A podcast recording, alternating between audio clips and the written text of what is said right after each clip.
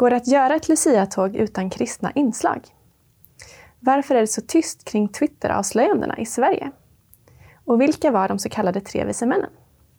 Det är frågor som vi ska prata om i det här avsnittet av Veckans Nyheter. Välkomna!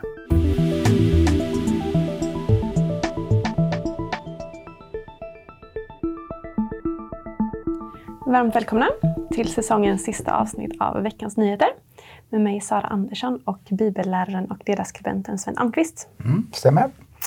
Ja, vi ska börja med att prata om Lucia. Närmare bestämt Lucia-tåget på Mariaskolan i Umeå. Där bestämde man att det skulle vara ett Lucia-tåg utan religiösa inslag, vilket gjorde att man bytte ut kristna sånger mot andra sånger. Detta för att inte exkludera muslimska barn.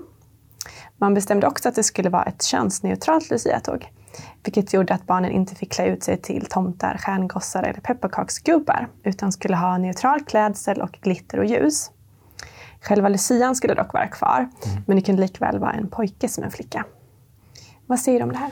Alltså, jag, jag får hålla mig nästan lite för skratt faktiskt. Alltså. Men, alltså, men det är tragiskt komiskt. Ett Lucia-tåg handlar ju om ett firande av den här Lucia. Det är ju en kristen katolsk tradition egentligen, ytterst sett. Och ta bort det är som att ta bort syftet med det. Alltså, man får fixa sina egna tåg, självklart. Men, men jag tycker det är ändå tråkigt och jag tycker det är svagt av en skolledning att böja sig för en liten, liten minoritets åsikt. Eh, på bekostnad av glädjen för, för, för de allra flesta. Mm. Men förra året var det ju faktiskt föräldrar till muslimska barn som inte hade låtit dem uppträda i den här Lucia-kören på grund av att Lucia har koppling till kristendom. Ska inte de få vara med då? Men alltså nu råkar vi bo i ett land som heter Sverige, som har tusen år av kristen tradition. Oavsett vad vi tror idag så är det så. Och då har vi seder och bruk. Vi har högtider. Julhögtiden är en kristen högtid, påsk har en kristen... Mm. Alltså jag menar det, hur ska de här föräldrarna göra under jul? Alltså ska jo. man binda, lås, sätta öronproppar och ögon? Alltså det är ju, det är ju sång och musik överallt. Alltså. Jo, men just för de här barnen kanske det var en stor sorg att inte kunna vara med i Lucia-tåget förra året. Det är ju föräldrarna som är problemet här, inte barnen. Va? Om jag skulle med min familj bo i ett muslimskt land, eller flytta dit, då får jag ju acceptera. Jag kan ju inte säga liksom, det är någon man som skriker i torn här uppe varenda morgon. Ta ner honom. Jag tror ingen gör det. va? Utan jag får acceptera. Här är en annan tradition. Jag behöver inte tro som dem för det. Mm. Så att lite större acceptans och lite större ledarskap i, i, bland rektorer och andra, det tror jag skulle vara bra. Mm. Vad säger du om att det var könsneutralt då? Alltså, eh, ja, vad ska jag säga? Eh, det, det, det blir ju mer och mer absurt, tycker jag. Alltså, hallå! Eh, eh pepparkaksgubbe, om inte det funkar med peppar, kanske vi får en pepparkaksdeg då? Eller vad ska vi ha? Alltså, det, det är någon aktivist, tror jag, som sitter där och, och, och ska sätta filter på det också.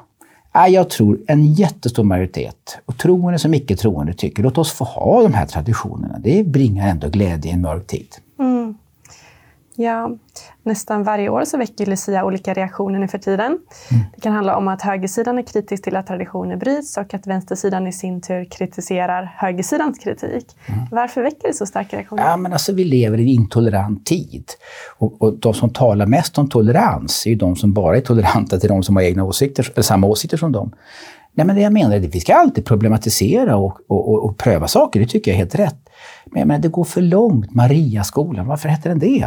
Det är ju Jesu mor, vi borde ändra namn. Leninskolan kanske? Eller en högskola, eller inte högskola, hen, hen, henskolan kanske? Så det jag menar är att det finns ett absurdum någonstans och vi har passerat gränser tycker jag för sunt förnuft. Mm. Vi ska byta ämne. Vi får tåga vidare. Precis. Och då ska det handla om de många avslöjanden som har kommit från Twitter efter att Elon Musk tog över. Mm. Elon Musk har nämligen låtit journalister titta på interna mejl och chattkommunikationer som har skrivits mellan anställda innan han tog över företaget. Och sen har han låtit de här journalisterna publicera det de har kommit mm. fram till i olika Twitter-trådar. Det första avslöjandet visar hur Twitter agerade när de stoppade en New York Post-artikel om Joe Bidens son Hunter Bidens laptop mm. som innehöll information som i princip visade att Joe Biden ägnar sig åt korruption. Och det här skedde strax före presidentvalet, vilket gör att kritiker menar att Twitter var med och påverkade valresultatet. Det andra avslöjandet handlar om hur Twitter har svartlistat olika konservativa användare. Det har dels skett genom att de har stoppat vissa helt och hållet och det har dels skett genom att de har satt olika stämplar på de här kontona så att de inte har fått den spridning som de skulle ha fått annars. Det här har enligt anställda på Twitter skett ungefär 200 gånger om dagen och gemensamt är att användarna själva inte har fått veta den här svartlistningen. Det tredje till femte avslöjandet handlar om hur Twitter stängde av Donald Trump trots att han inte hade skrivit något som stred mot deras policy. Detta skedde efter både interna och externa påtryckningar. Vad säger du om det här? Ja, men alltså, jag tror att det är sant, det som kommer fram nu. Det har verkligen funnits en, en, en intern censur styrt av någon form av agenda här. Så, så är det ju. Va? Tänk att det skulle behöva ta 500 miljarder svenska kronor, för det kostade det här företaget. Nu var han visserligen rätt så tät den här Elon Musk, men alltså, nu kommer sanningen fram. Eh, och eh, det många har anat och kanske sagt att nej, nej, nej, det där är bara konspirationsteorier. visar sig vara sant. Mm. Men är inte ett företag fritt att göra som de vill? Jo, men då ska man också stå för det man gör och inte säga en sak och göra någonting annat. Och om man nu säger vi är en vänsterliberal medieplattform, här tillåter vi ingenting utöver våra egna åsikter, fine. Mm. Men om man säger någonting annat, men gör någonting under ytan, i det här fallet blockera då 200 per dag av eh, ändå ganska, kanske ganska starka röster med, med tunga argument mot mm. det som då är det politiskt korrekta. Mm. Men kan inte vissa av de här avstängningarna ha varit befogade? Finns det någon som pekar på nu att hat och hot eller i vilket fall nedsättande ord om vissa mm. grupper har ökat på Twitter sedan han tog över? Man kan väl säga så här, det är klart att det finns rasistiska saker som ska stoppas. Men allting, och vi har varit inne på det förut Sara, allt har, vem har definitionsmakten här? Om allt på höger och min, och min åsikt anses rasistiskt, då har jag ju verkligen begränsat sanningen. Jag menar, utan, eh, det, det, det, mm. vi, vi, man måste kunna klargöra vad sätter du gränsen och varför sätter du gränsen där? När Copernicus på 1500-talet sa nej, det är faktiskt jorden som cirkulerar runt solen. Då fick han vetenskapsmän och censurera den här mannen. Då fick han politiker censurera den här mannen. Då fick man religiösa ledare censurera den här mannen. Idag visar det sig att det var ingen konspirationsteori. Han hade sanning. Mm. Upp med flera röster. Låt åsikten få florera fritt. Mm. Det har ju varit väldigt tyst om det här i svenska medier. Varför tror du att det är så? Ja, men det stämmer ju inte in lite på hur man skulle önska att det vore. Va? Alltså, det är ju inte politiskt korrekt då. Så att det är någon form av att man till exempel, man har ju kommit fram till nu att det är någon som skrev om det här med könsoperationer på barn. Att, på Twitter? På Twitter, precis. Mm. Och att detta, detta censurerades därför att det kunde vara hotande mot sjukhus i det här fallet, då, amerikanska sjukhus. Och det, ja. det stämde inte in i det paradigm som man ville komma ut med. Idag så är åsikten lite djupare och man inser liksom att oj då. Så att det är ju ganska allvarligt menar jag att stoppa informationsflödet på grund av en annan agendas, mm. en annans agenda. Mm. Vad tror du att Musks öppnande av Twitter får för konsekvenser? Ja, men det som får för konsekvenser tycker jag nu att nu är det ju det fria ordet har fått en större plattform. Och förhoppningsvis finns det nu en självkritik i många andra plattformar. Alltså okej, okay, vi kanske han kanske köper upp fler saker, vad vet jag. Eh, han verkar ha gott om pengar den där mannen. Ja, men jag menar, låt oss eh, upp i ljuset med, med, med saker och ting. Mm. Så får, sanningen tål ju att prövas. Mm. Ja, vi ska gå över till mm. nästa ämne. Och då handlar det om en teologisk fråga om julen.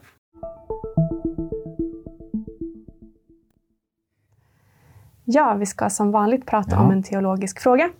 Och vi har fått in många intressanta tittarfrågor. Mm. Men eftersom det här är det sista avsnittet före jul så tänkte jag att vi väntar med dem och istället pratar om något som har med julen att göra. Trevligt. I Bibeln så står det att vise män från östern kom till Jerusalem efter Jesu födelse och frågade efter den judiske kungen. Mm. Detta gjorde de eftersom de hade fått syn på en ny stjärna och tolkade det som att det hade fötts en ny kung. Mm. Därefter så leddes de av den här stjärnan till Betlehem och fann där Maria, Josef och Jesusbarnet. Mm. Anledningen till att man säger att de var tre är att de bar fram tre gåvor till Jesusbarnet. Men egentligen så vet man inte hur många de var. Till en början, vad var det här för män?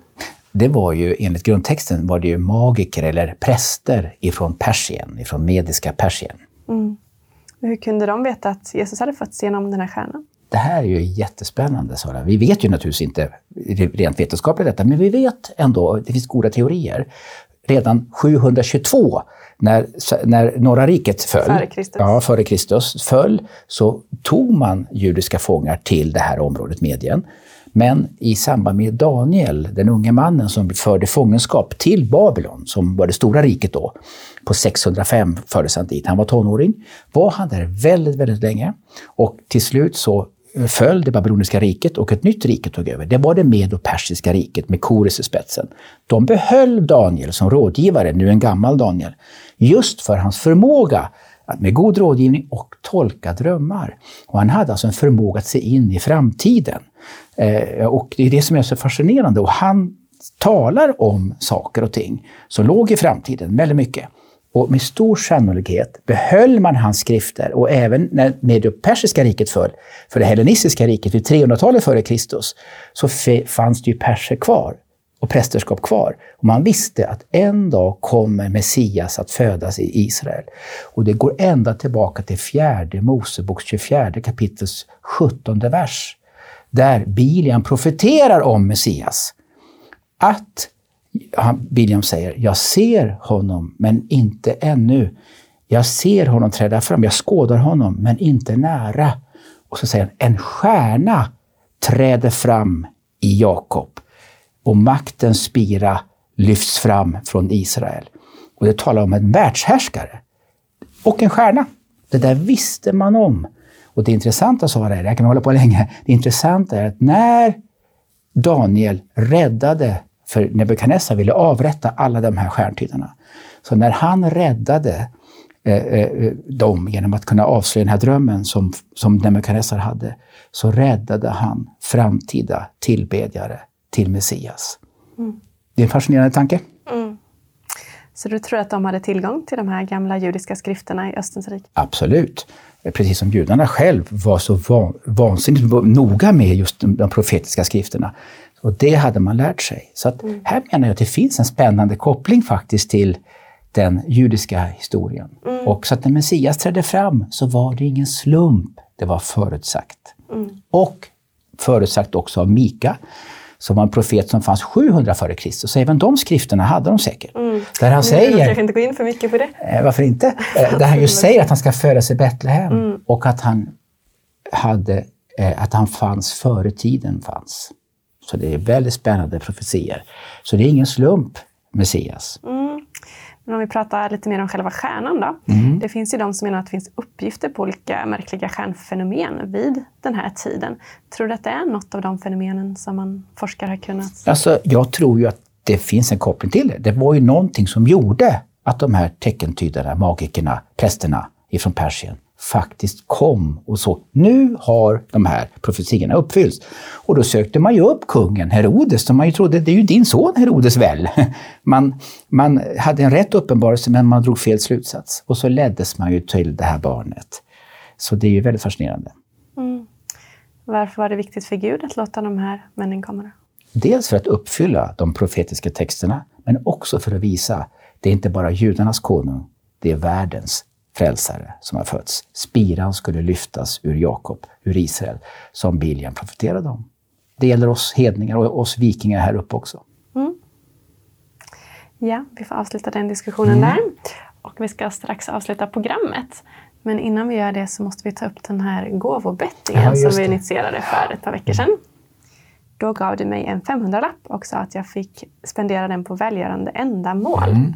Och om England skulle vinna fotbolls-VM så skulle jag få ytterligare 500 kronor att spendera på det här välgörande ändamålet. Just det. Nu vet vi att England inte vinner, så till en början, hur kunde du ha så fel? Alltså nu är det inte alltid den som får det första priset som är bästa lag, utan det finns annat som kan ha att göra. Eh, jag beklagar att inte England vann, eh, men även de näst bästa lagen är ju bra lag. Ja, och så ska jag också berätta vad jag ska lägga de här pengarna på. Ja, vad har du gjort? Ja, nu när jag bara fick 500 och inte 1000 så räckte det inte riktigt, så jag fick lägga till 200 kronor. Åh, men de, det var perfekt. De ska i alla fall gå till en get i ja. Haiti. Rättare sagt ett skolbarn i ett fattigt område som kommer få en get att ta med hem till sin familj. Mm. Och får den här geten någon avkomma så kommer skolbarnet få ge den lilla killingen till en klasskompis. Superbra. Och det här sker genom ett projekt i den kristna biståndsorganisationen Hoppets Stjärna. Okay. Det känns bra att de gör arbete på Haiti tycker jag, som har mm. drabbats av mycket elände de senaste åren. Jättebra svarat, tack. Ja, det får bli slutorden för det här programmet. Tack så mycket Sven och god jul! Du, god jul på dig! Och nu blir det en lugn helg utan häftiga frågor, så det känns ju bra. Precis, och tack så mycket till er tittare. Hoppas att ni vill se oss även nästa säsong. Och vill ni stödja det här programmet så får ni gärna swisha en gåva. Ha en jättefin jul!